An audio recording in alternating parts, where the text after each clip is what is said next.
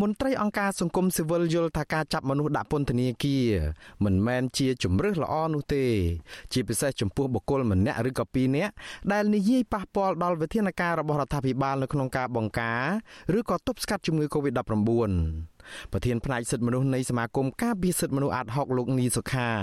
យល់ថាអ្នកលេងបណ្ដាញសង្គម Facebook TikTok និយាយអំពីរឿងចាក់វ៉ាក់សាំងដែលអាចនឹងធ្វើឲ្យប៉ះពាល់ខ្លះដល់បំរាមរបស់រដ្ឋាភិបាលឬក៏ការអនុវត្តច្បាប់បង្ការជំងឺ Covid-19 ក៏ប៉ុន្តែវិធានការផ្លូវច្បាប់នេះក៏នឹងធ្វើឲ្យមានការរិះគន់ថាមានការរឹតបន្តឹងសិទ្ធិសេរីភាពរបស់ប្រជាពលរដ្ឋដែរលោកថាប្រសិនបើអាជ្ញាធរព្រមមានរួចហើយក៏ប៉ុន្តែពួកគាត់នៅតែមិនស្ដាប់ទើបអាជ្ញាធរមានវិធានការផ្លូវច្បាប់ក៏មិនទាន់ហួសពេលនោះដែរ ខ្ញុំគិតថាអ្វីដែលជារឿងល្អនោះគឺថាមានតែហៅគាត់ដើម្បីធ្វើការណែនាំហើយធ្វើការបញ្យលណែនាំគាត់ទៅធ្វើកិច្ចសន្យាធ្វើអីទៅដើម្បីឲ្យគាត់អាចវិលត្រឡប់ទៅផ្ទះគាត់វិញទៅហើយឲ្យគាត់កុំឲ្យគាត់បង្ហោះអីរែងធ្វើឲ្យប៉ះពាល់ទៅដល់ខ្លឹមសារនៃច្បាប់នឹងអីចឹងទៅណាអានឹងខ្ញុំគិតថាវាជារឿងប្រសើរជាងយកប្រជាពលរដ្ឋយើងដែលគ្រាន់តែគាត់និយាយប៉ុណ្ណឹងទៅដាក់ក្នុងពន្ធនាគារវាមិនមែនជាការមួយដែលចំណេញទៅដល់សង្គមជាតិយើងទេបាទការលើកឡើងរបស់មន្ត្រីសិទ្ធិមនុស្សបែបនេះធ្វើឡើងក្រោយពេលដែលសមាជិកខេត្តកំពង់ចាម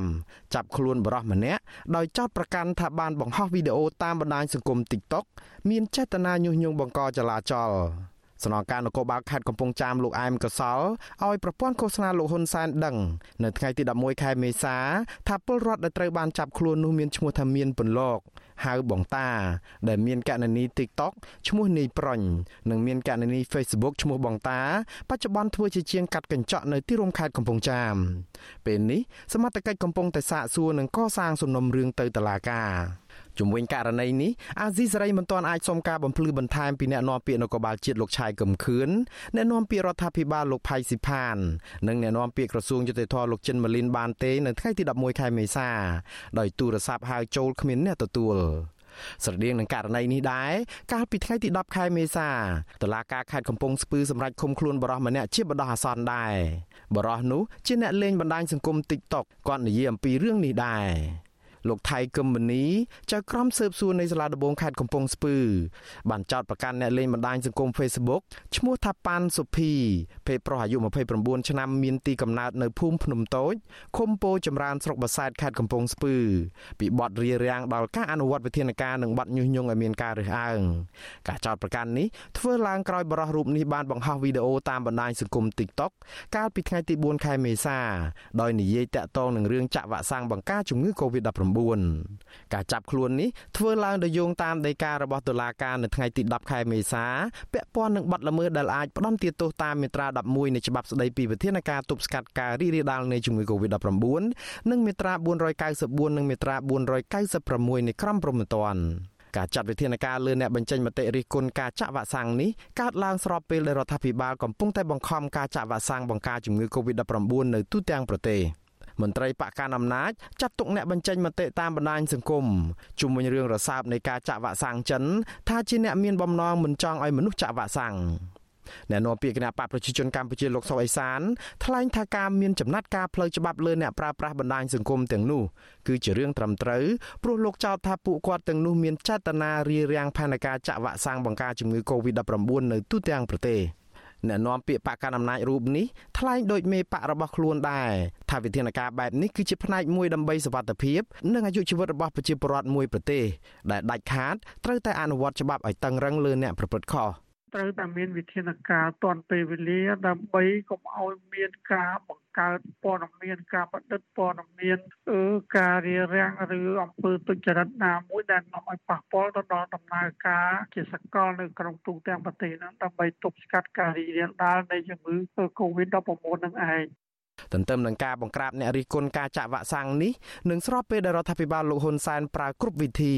ដើម្បីបង្ខំឲ្យប្រជាពលរដ្ឋចូលរួមចាក់វ៉ាក់សាំងនោះរដ្ឋាភិបាលនេះក៏ទើបតែចេញអនុក្រឹត្យថ្មីមួយទៀតដើម្បីឲ្យស្របតាមការបង្ខំនេះ អនុក្រឹត្យនេះចែងពីកាតព្វកិច្ចនៅក្នុងការទទួលការចាក់វ៉ាក់សាំងការពារជំងឺ Covid-19 បើតាមខ្លឹមសារនៃអនុក្រឹត្យនេះការចាក់វ៉ាក់សាំងបង្ការជំងឺ Covid-19 មិនថាចាក់វ៉ាក់សាំងដែលមានការទទួលស្គាល់ពីអង្គការសុខភាពពិភពលោក WHO ឬគ្មាននោះទេ គឺត្រូវតែធ្វើជាដាច់ខាត ដោយមិនមែនធ្វើតាមគោលការណ៍ស្ម័គ្រចិត្តនោះឡើយ អនុក្រឹត្យចុះថ្ងៃទី11ខែមេសាចែងថាកាតព្វកិច្ចនៅក្នុងការទទួលបានការចាក់វ៉ាក់សាំងការពារជំងឺ Covid-19 ត្រូវអនុវត្តចំពោះមន្ត្រីរាជការគ្រប់ក្រសួងស្ថាប័ននិងកងកម្លាំងប្រដាប់អាវុធគ្រប់ប្រភេទរួមទាំងចៅក្រមព្រះរាជអាជ្ញានិងមន្ត្រីរាជការសាធារណៈនៅក្នុងស្ថាប័នតុលាការជាដើមកតបកិច្ចចាក់វ៉ាក់សាំងនេះក៏ត្រូវអនុវត្តផងដែរចំពោះបុគ្គលមួយចំនួនផ្សេងទៀតដោយផ្អែកលើស្ថានភាពនៃការងារឬស្ថានភាពនៃមុខរបររបស់បុគ្គលនោះតាមការកំណត់របស់ក្រសួងសុខាភិបាល ទោះជាយ៉ាងណាក៏មានការលើកលែងចំពោះបុគ្គលដែលមិនអាចទទួលការចាក់វ៉ាក់សាំងការពារជំងឺ Covid-19 នេះបានដោយមូលហេតុសុខភាពនិងដោយមានលិខិតបញ្ជាក់ពីមន្ត្រីសុខាភិបាលដែលមានសមត្ថកិច្ចជាមួយគ្នានេះអាជ្ញាធរបន្តបញ្ចេញសារគម្រាមចាត់ការអ្នកផ្សាយព័ត៌មានដែលរងការចោទប្រកាន់ថាជាចេតនាមិនអោយមនុស្សទៅចាក់វ៉ាក់សាំងនេះ លោកនាយរដ្ឋមន្ត្រីហ៊ុនសែនក៏ប្រមានចាប់ប្រជាពលរដ្ឋញាត់គុកឲ្យតែឃើញថាផ្សព្វផ្សាយព័ត៌មានដែលលោកចោទថាញុះញង់មិនឲ្យមានការចូលរួមចាក់វ៉ាក់សាំងប្រឆាំងនឹងជំងឺ Covid-19 នេះនាយករងទទួលបន្ទុកផ្នែកសិទ្ធិមនុស្សនៃអង្គការលីកាដូលោកអំសំអាតឲ្យដឹងកាលពីពេលថ្មីថ្មីនេះថាចាប់តាំងពីដើមខែមករាមានមនុស្សជិត30នាក់ហើយត្រូវរបបក្រុងភ្នំពេញចាប់ខ្លួនក្រោមបទចោទប្រកាន់ផ្សេងផ្សេងគ្នាក្រោយពីពួកគាត់បានរិះគន់រឿងជំងឺ Covid-19 នេះ ក្នុងរយៈពេល3ថ្ងៃចុងក្រោយនេះកម្ពុជារកឃើញករណីចម្លងថ្មីជាង1200នាក់ដោយគិតជាមធ្យមគឺជាង400នាក់នៅក្នុងមួយថ្ងៃជំងឺនេះបានរីករាលដាលដល់រោងចក្រចំនួន8អ្នកស្លាប់ដោយសារជំងឺនេះកើនឡើងដល់29នាក់ដោយមិនរាប់បញ្ចូលអ្នកជំងឺ Covid-19 5នាក់ផ្សេងទៀតដែលស្លាប់នៅក្នុងពេលសម្រាប់ព្យាបាលជំងឺនេះដែរក៏ប៉ុន្តែក្រសួងសុខាភិបាលថាស្លាប់ដោយសារមូលហេតុផ្សេងខ្ញុំបាទមួងណារ៉េត With you Azizi Saray ប្រធានាធិបតី Washington